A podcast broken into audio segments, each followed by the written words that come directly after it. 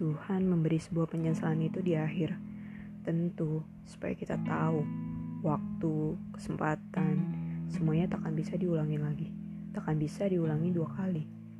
Terkadang, sifat kanakan kita akan menghilangkan kesempatan berharga kita, lalu berakhir dengan penyesalan terhadap diri sendiri.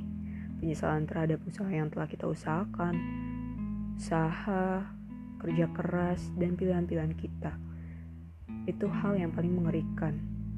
Menangis memang tak menyelesaikan masalah yang ada, tapi dengan menangis membuat kita belajar bahwa kebahagiaan takkan menghampiri kita tanpa sebab. Hidup itu bagaikan roda yang berputar, terkadang bisa di atas, terkadang bisa di bawah. Hidup bagai sekotak coklat, kita dapat memilih mana coklat yang pahit atau coklat yang manis.